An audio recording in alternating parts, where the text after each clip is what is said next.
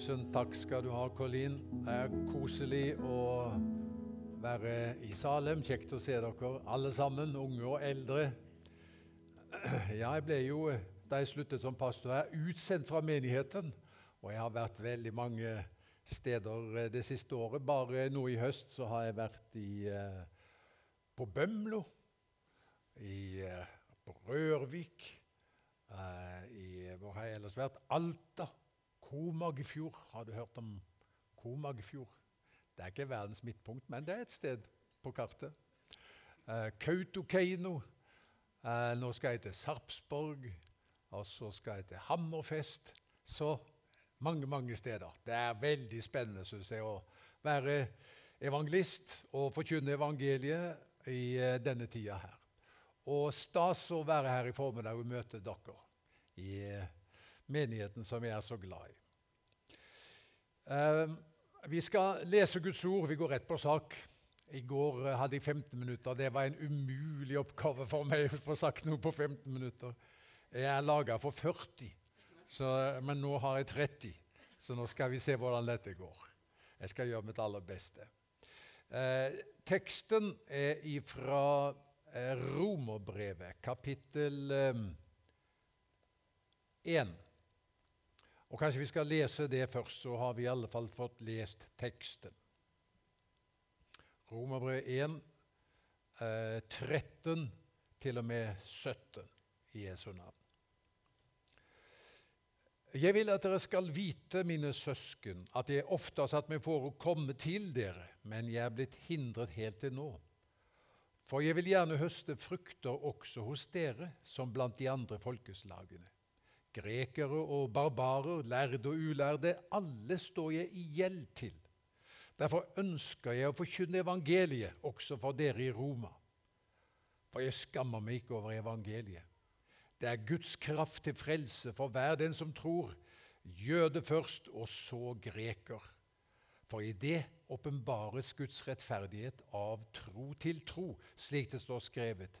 Den rettferdige skal leve ved tro. Amen. En kort bønn fra meg også. Herre, vi takker deg for en åpen bibel, at vi nå har fått lese ditt ord.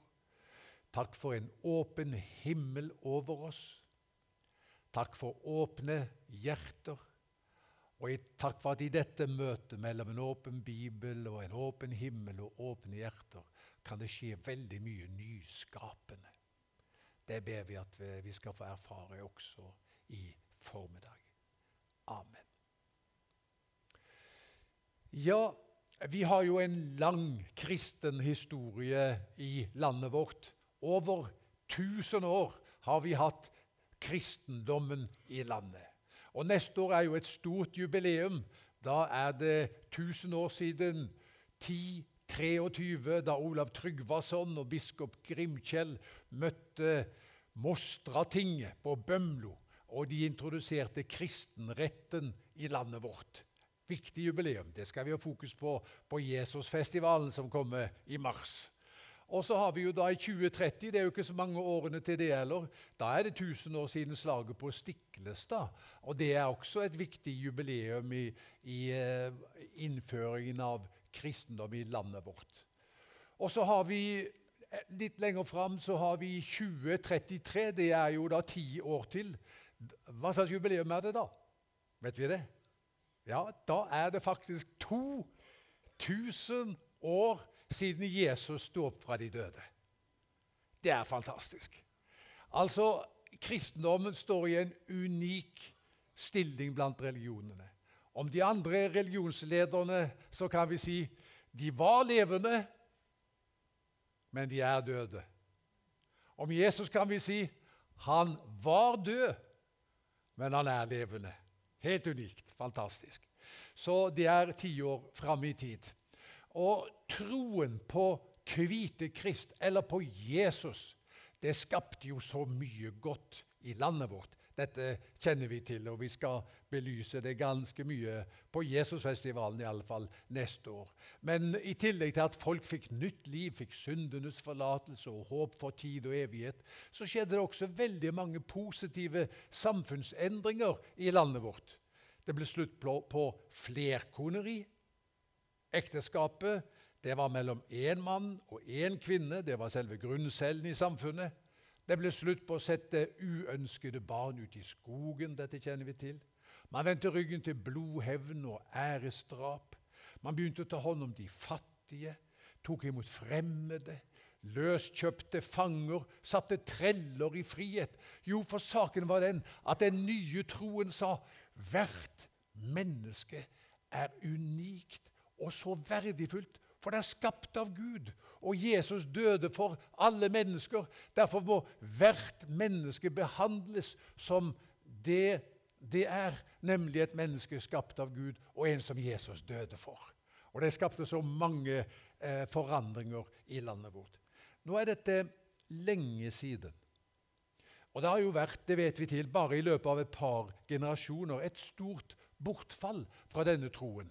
Og Jeg skal ikke bruke tid på det nå, til å liksom male det ut, for det tror jeg vi vet um, og, og liksom har tatt inn over oss. Men saken er den at vi står i dag i en situasjon Jeg tror vi er, er enige om det alle sammen, at Norge må kristnes på nytt. Ikke med sverd, nei, men, men med kjærlighet og med evangeliet om Jesus. Så må Norge kristnes på nytt. Og spørsmålet er hvem skal gjøre det? Det er verdt å tenke på. Norge trenger å høre evangeliet på nytt. Det er ingen tvil om det. Hvem skal gjøre det? Tesen min i dag er vi. Og Da definerer vi veldig vidt at det er Guds folk i landet vårt. Men vi er også en del av dette, slik at eh, det er også noe som vi må ta inn over oss i dag. Norge må høre evangeliet om Jesus på nytt. Hvem skal gi Norge evangeliet? Vi. Ja. Så hvordan skal vi gå fram herfra? Jeg har tre punkter. I går var jeg innom ett, men nå skal vi få tre. Punkt 1. La stemningen i samtiden berøre deg. Det er punkt 1. Punkt 2. La evangeliet begeistre deg. Punkt 3. La Jesus bevege deg til handling. La stemningen i samtiden berøre deg. La evangeliet om Jesus begeistre deg og la Jesus bevege deg til handling. Først, la stemningen i samtiden berøre deg. Jeg vet ikke om du har hørt om en kar som heter Kjell Terje Ringdal. Jeg hadde ikke hørt om han før, jeg, så det er nok helt i orden. Og Han er ikke fornærmet. Men han er førstelektor ved Kristianahøgskolen i Oslo. Jeg vet ikke så mye om den heller. Men han underviser i retorikk og skrev nylig en kronikk på nrk.no det er bare kanskje fem-seks dager siden. Der han tar et sveip over verden og samtiden. Og For tidens skyld så bare gir det noen liksom, litt løsrevne sitater fra den kronikken. Han sier Jeg er en optimistisk og kraftfull mann som så langt i livet ikke har latt sutring og kjiphet prege mitt sinn. Nå har jeg fått mørke tanker. alle kriger med alle. Bølgene blir høyere, vinden sterkere, politikken villere og håpet min mindre. Min frykt er at alt skal rakne. Jeg siterer videre. Jeg sitter med klumpen i halsen når Dagsrevyen lister opp håpløsheter i kø. Jeg føler en lammende fortvilelse over byer som drukner, bomber som treffer barnerom med nådeløs presisjon, dyrearter som raderes ut fra planeten, vinprodusenter som med tomt blikk rister i en død vinranke. Akkurat det sørger ikke jeg over for min del, men han om det. Politiske ledere som vinner fram med sinnssyke ideer at stormakten og det tidligere verdensforbildet USA preges av juks og iscenesettelser, og en mulig president som kanskje skal ha sitt ovale kontor i et fengsel. Ja, det er hva han sier. Jeg er redd de unge er i ferd med å gi opp det kollektive ansvaret. De flykter inn i seg selv. Jeg møter unge mennesker hver dag som formidler håpløshet. Jeg håper at jeg tar feil når jeg håper at det er kun jeg som trenger trøst.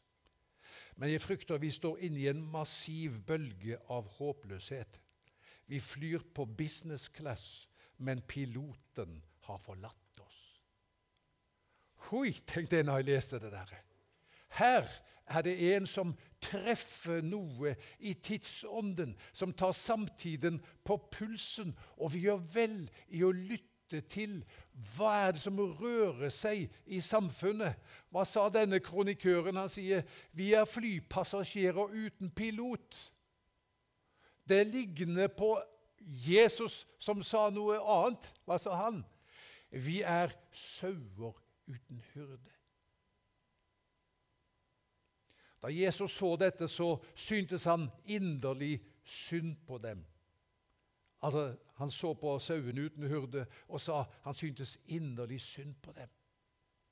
Og jeg tenker, Når vi ser hva som rører seg i samfunnet vårt akkurat nå Den frykten som er der, den håpløsheten som vi kan ane, og som kommer til uttrykk da hos denne denne eh, karen i uh, Høgskolen Kristiania, så tenker jeg la det berøre deg.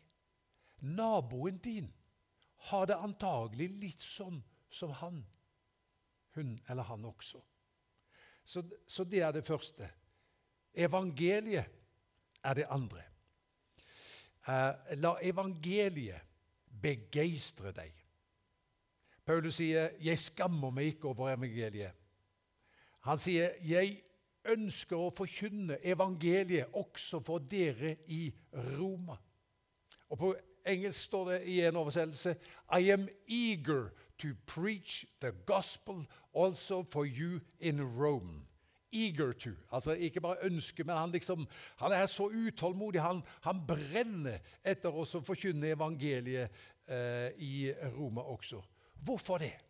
Jo, for han sier det evangeliet det er det som kan skape forandring både i enkeltpersoners liv og i samfunn. For han sier evangeliet er en Guds kraft til frelse. Det ordet der, eh, kraft, det er dynamisk. Det er det samme som vi har i, i dynamitt. Altså Det er et Guds kraftfelt, et kraftområde som du kommer inn i når du får del i evangeliet. Gud har steget inn i vår verden for å løfte deg ut av de stengslene du nå befinner deg i, sier han. Du lever ikke i et låst og lukka univers, men alt kan bli nytt. Og Jesus vil frigjøre deg fra fortidens nederlag. Han vil frigjøre deg fra frykten for framtiden, og han vil hjelpe deg med dagen i dag. Det er sånn kraftig evangeliet.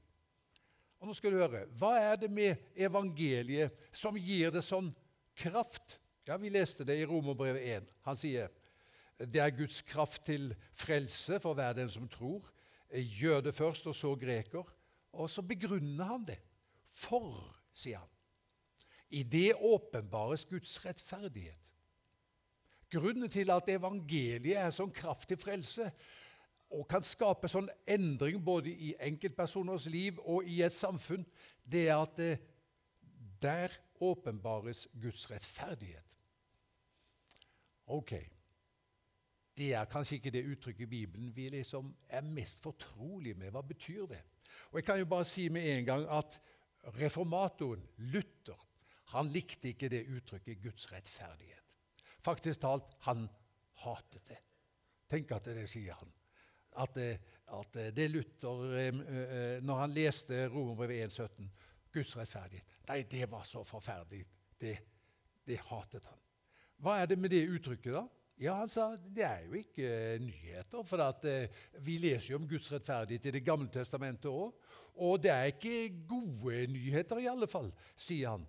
For han oppfattet Guds rettferdighet som å bety det Gud krever av oss for at vi skal stå i et rett forhold til ham, det er at vi skal gjøre det som er rett.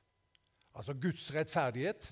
Det betyr skal du komme i et rett forhold til meg, så må du gjøre det som er rett. For Gud vil det som er rett. Og så oppfattet Luther også det til å bety eh, at eh, Gud hadde rett til å straffe de som ikke levde rett. Ja, det er klart, da var det jo ikke nytt, for det hadde han lest i Det gamle testamentet. Og, og, gode nyheter var det vel antagelig heller ikke, nei. Så vi kan forstå det. Men Luther kjempet med dette uttrykket der og prøvde å få tak i det. Hva betyr det? For, for Paulus er jo så begeistret for det. Han sier dette er gode nyheter, og jeg må komme til Roma og fortelle dere dette.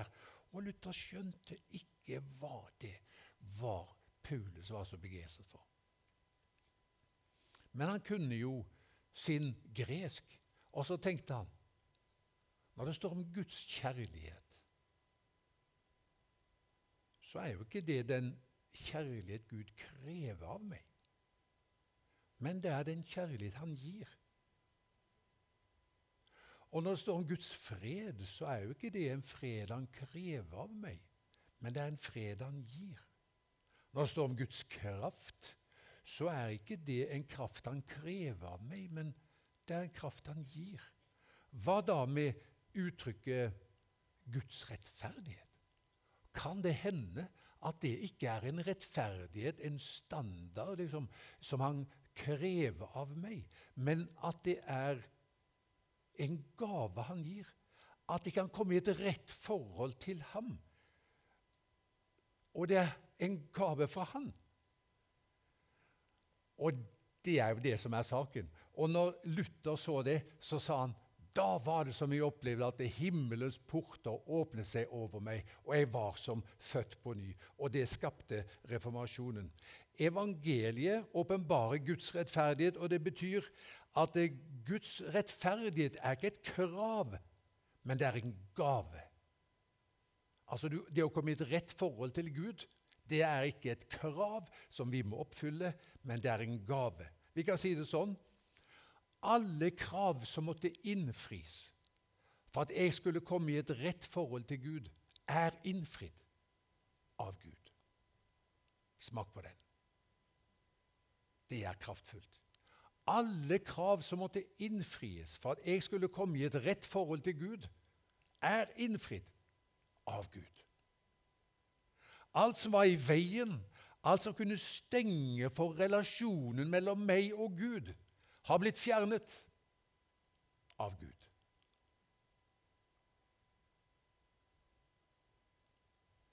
Det er det som står i 2. Korinterbrev 5,21 oppsummert. Der står det Han som ikke visste av synd, har han gjort til synd for oss, for at vi i ham skulle få Guds rettferdighet.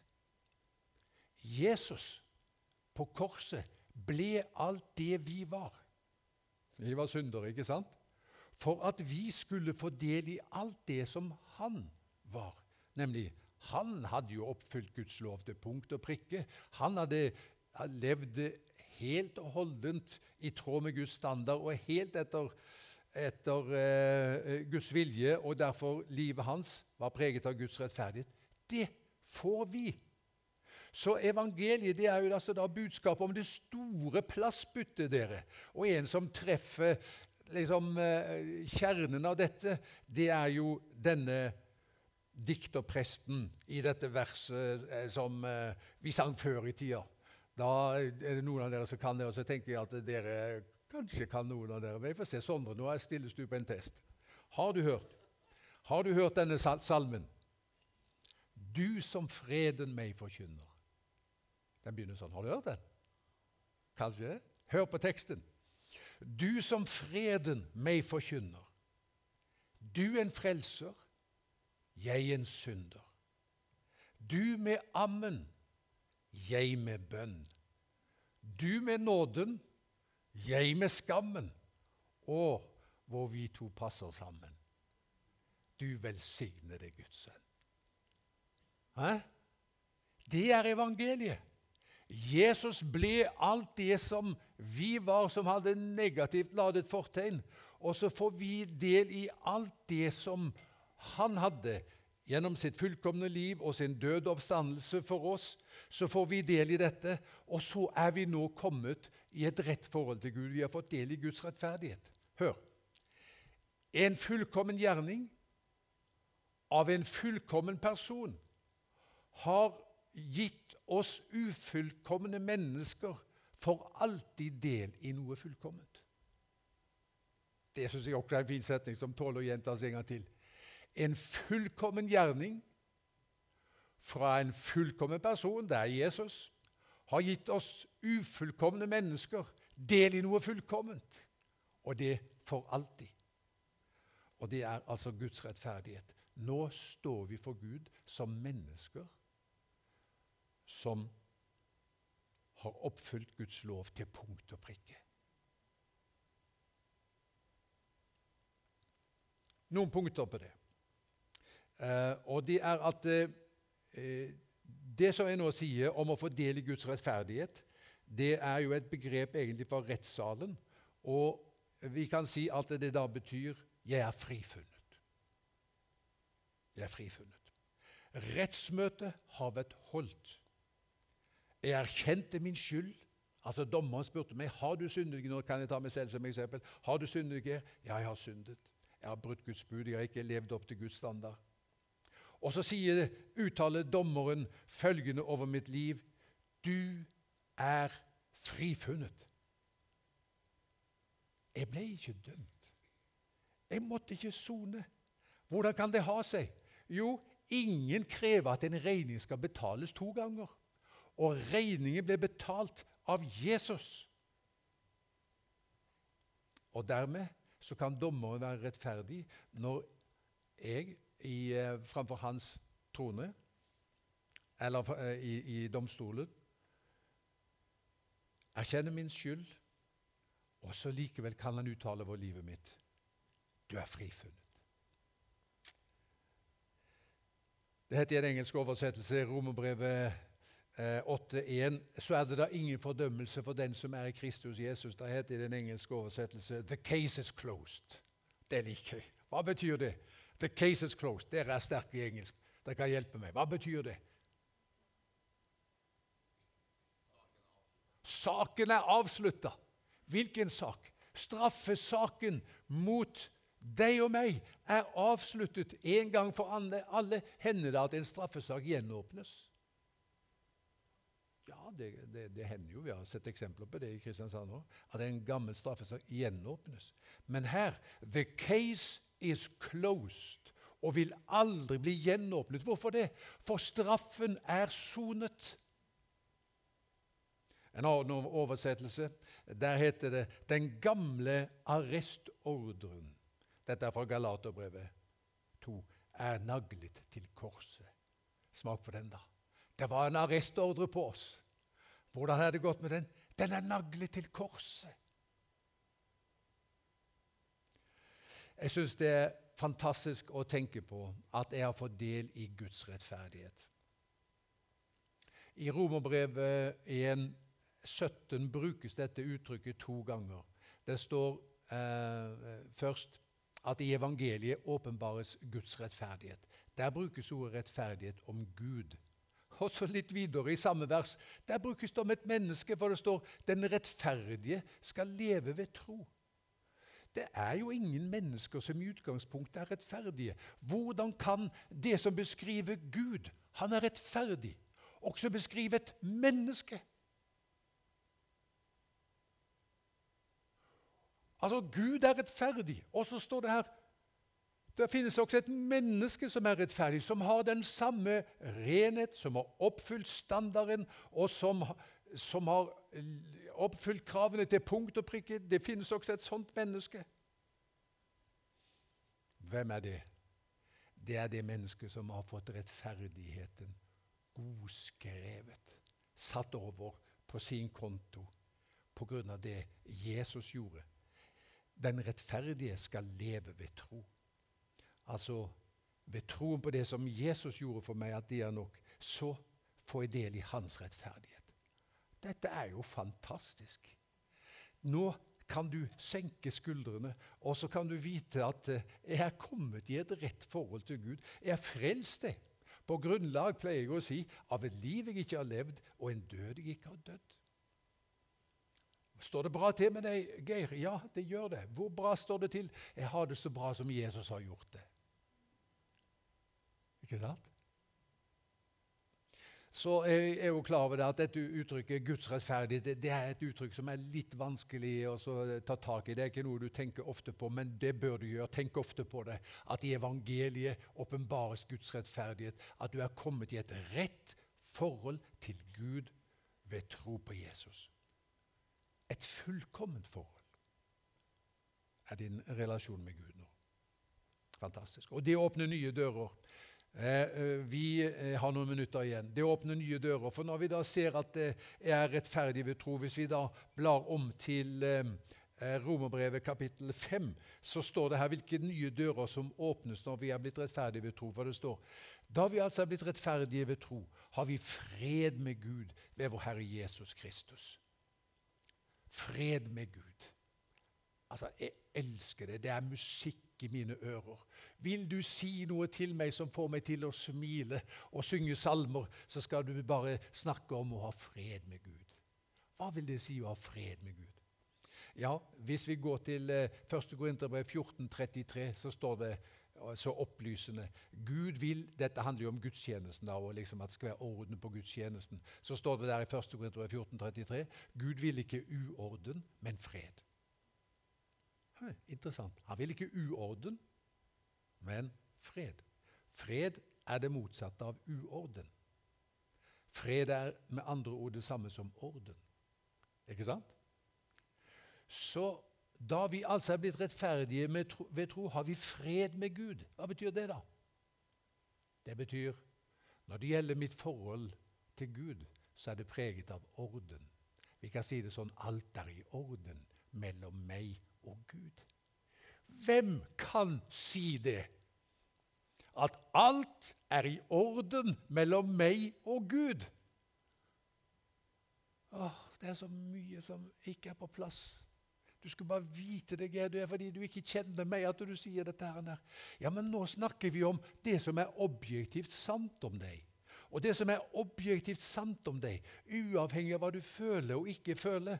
For fred med Gud er ikke en følelse. Fred med Gud er en tilstand, det er en stilling, det er en objektiv sannhet. Og det er at du har, er du rettferdig? Har du fått Guds rettferdighet? Ja. Da har du fred med Gud. Er det din fortjeneste? Nei, det står 'ved vår Herre Jesus Kristus'. Og så står det videre Jeg mener, det er jo, det er jo fantastisk. Altså, Vi lever under en åpen, solfylt himmel. Det er ikke noe som må gjøres for at ting skal komme på plass, eller noe som er gjort som må fikses. Alt er i orden. Fullkomment i orden. Så står det videre og Det er liksom også en dør som åpnes. Vers 2.: Gjennom ham har vi også ved troen fått adgang til den nåde vi står i. Og Det handler jo om nåde. Hva betyr det? Nåde, ja, det vet vi. Eh, det er jo uh, ufortjent kjærlighet. Nåde, det er det at ikke noe feiltrinn Hør hva jeg sier nå. Ikke noe feiltrinn som du har begått, kan diskvalifisere deg fra Guds kjærlighet. Har du gjort noen feiltrinn? Har du det, ja? Du òg? Jeg òg.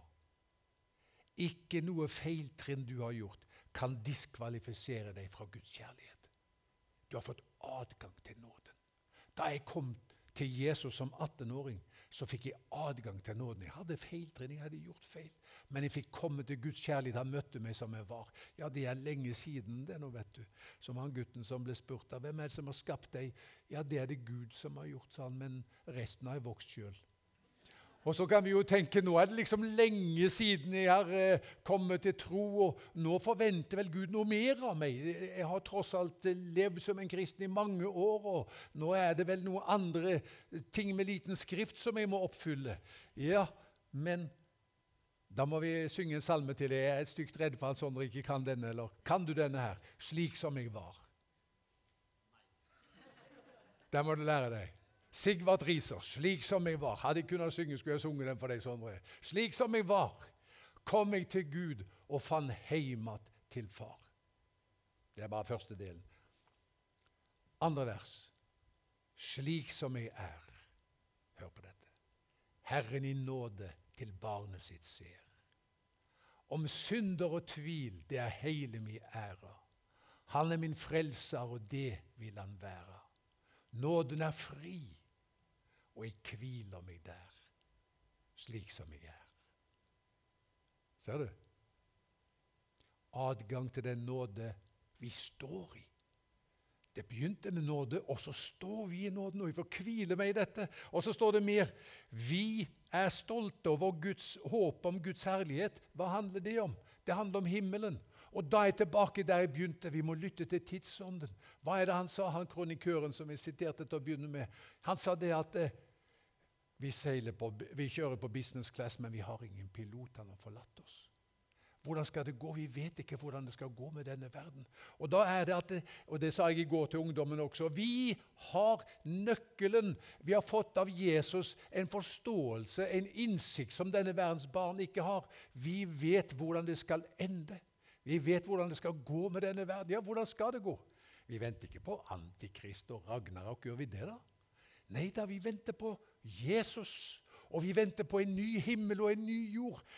Har piloten forlatt oss? Han er her. Gud er på tronen ennå. Nå sitter jeg i mange gamle salmer. Du har ikke hørt den heller, du. Og han kommer sine i hu. Ikke sant? Han er på tronen, og han styrer historien mot sitt mål. Hvordan skal det gå? Det skal ende med at han blir lovprist. Jeg vet hvordan det skal ende. Verden kommer til å ende ved Jesu føtter, dere. Og hver tunge skal bekjenne, uansett hvor store de har vært i denne verden, og hvilken posisjon de har hatt, så kommer en dag alle til å bøye kne for Jesus. Og så kommer de til å bekjenne til Gud Faders ære Jesus er Herre. Han er den største. Han er kongenes konge og herrenes herre. Vi vet hvordan det skal gå. Ai, ai, ai, ai. Og dette må vi formidle. Og, derfor, og det er det siste punktet La Jesus bevege deg til handling. Punkt 1 var la deg berøre når du merker stemningen i samfunnet. Det er en uro der ute. To. La deg begeistre over evangeliet. Du må ikke skamme deg over Jesus og evangeliet. Det er det som er nøkkelen. Og det tredje, da La deg bevege til handling. Jeg sa det til ungdommen i går at, eh, at um, jeg har sett hva som kan skje når uh, mennesker lar seg sende. Jeg var ung pastor i en menighet på Vestlandet, Haugesund. Og Gud hadde talt til oss om at det skulle komme en ungdomsvekkelse. Verset var 'Se din ungdom kommer til deg som dugg ut av morgenrødens skjød'. Så tenkte vi de beste til å nå unge mennesker er vel unge mennesker. Og så hadde vi 20 unge mennesker i menigheten på den tiden der. Og så sto det også i denne Salme 110, som jeg siterte nettopp, der står det også ditt folk møter villig fram den dagen du mønstrer din her. Og Så tenkte jeg at eh, da får vi mønsteren her. Så jeg sa det til ungdommene på den søndag kvelden. Ja, I kveld skal vi ha misjonærinnvielse. Dere var antagelig ikke klar over det, men det er dere som er misjonærer, som skal innvies. Og de var med på notene. Jeg glemmer det aldri. Der står det 20 stykker. De kom fram til forbønn. Og de som var ledere i menigheten, går ned, legger hendene på hver enkelt av dem, ber for dem, og så sender vi dem ut. Helt frivillig. Altså, dette ville de, det var ikke noe de måtte. Det. Men, men de lot seg sende. Resultatet av det var 100 nyfrelste i den menigheten i løpet av en høst. Det er ganske stor forskjell. Så sier Jesus, 'Som Far har sendt meg, sender jeg dere'. Mm. Vil du la deg sende?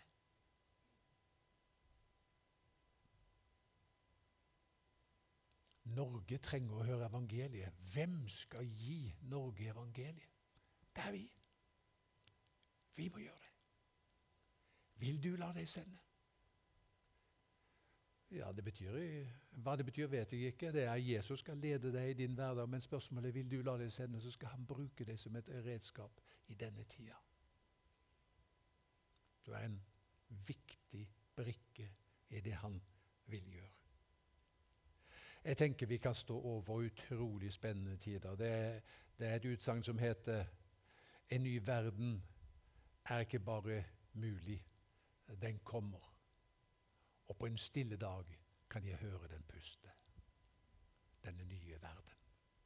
Hvordan kan vi være med oss og bringe den fram? Du må la deg sende. Er du klar? Skal vi be om det? Vil dere la dere sende? Tenk om dette møtet her. Du vet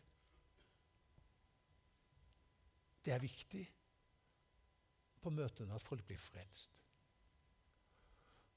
Og det må vi be om, og det kan jo skje i dag òg. Kanskje er det noen som ikke er kristne, som er med oss i dag. Fantastisk. Da er evangeliet. Håper du har fått tak i evangeliet, hvordan du kan komme i et rett forhold til Gud med å ta imot en gave. Men så er det også like så viktig, nesten, ikke kanskje, men du forstår hvor jeg vil hen, å la seg sende. Tenk på hva det kan føre til av omvendelser ute i hverdagen i løpet av en uke. -hmm. Vi skal be så trenger du ikke rekke opp hånda, du trenger ikke komme fram. Men der du sitter, så kan du si til Jesus, 'Jeg lar meg sende'. Jeg lar meg sende. Her er Jesus. Gud uh, møtte Jesaja og spurte, 'Hvem skal jeg sende? Hvem vil gå for oss?' Da svarte Jesaja, 'Jeg, send meg'.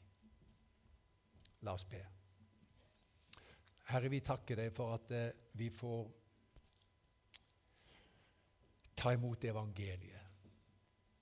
Og vi takker deg for evangeliets kraft til å løfte oss ut av rammer og begrensninger og inn i et nytt liv, Herre. Den frihet som vi da har del i. Og så vil vi ikke holde dette for oss selv, men vi vil dele det med andre.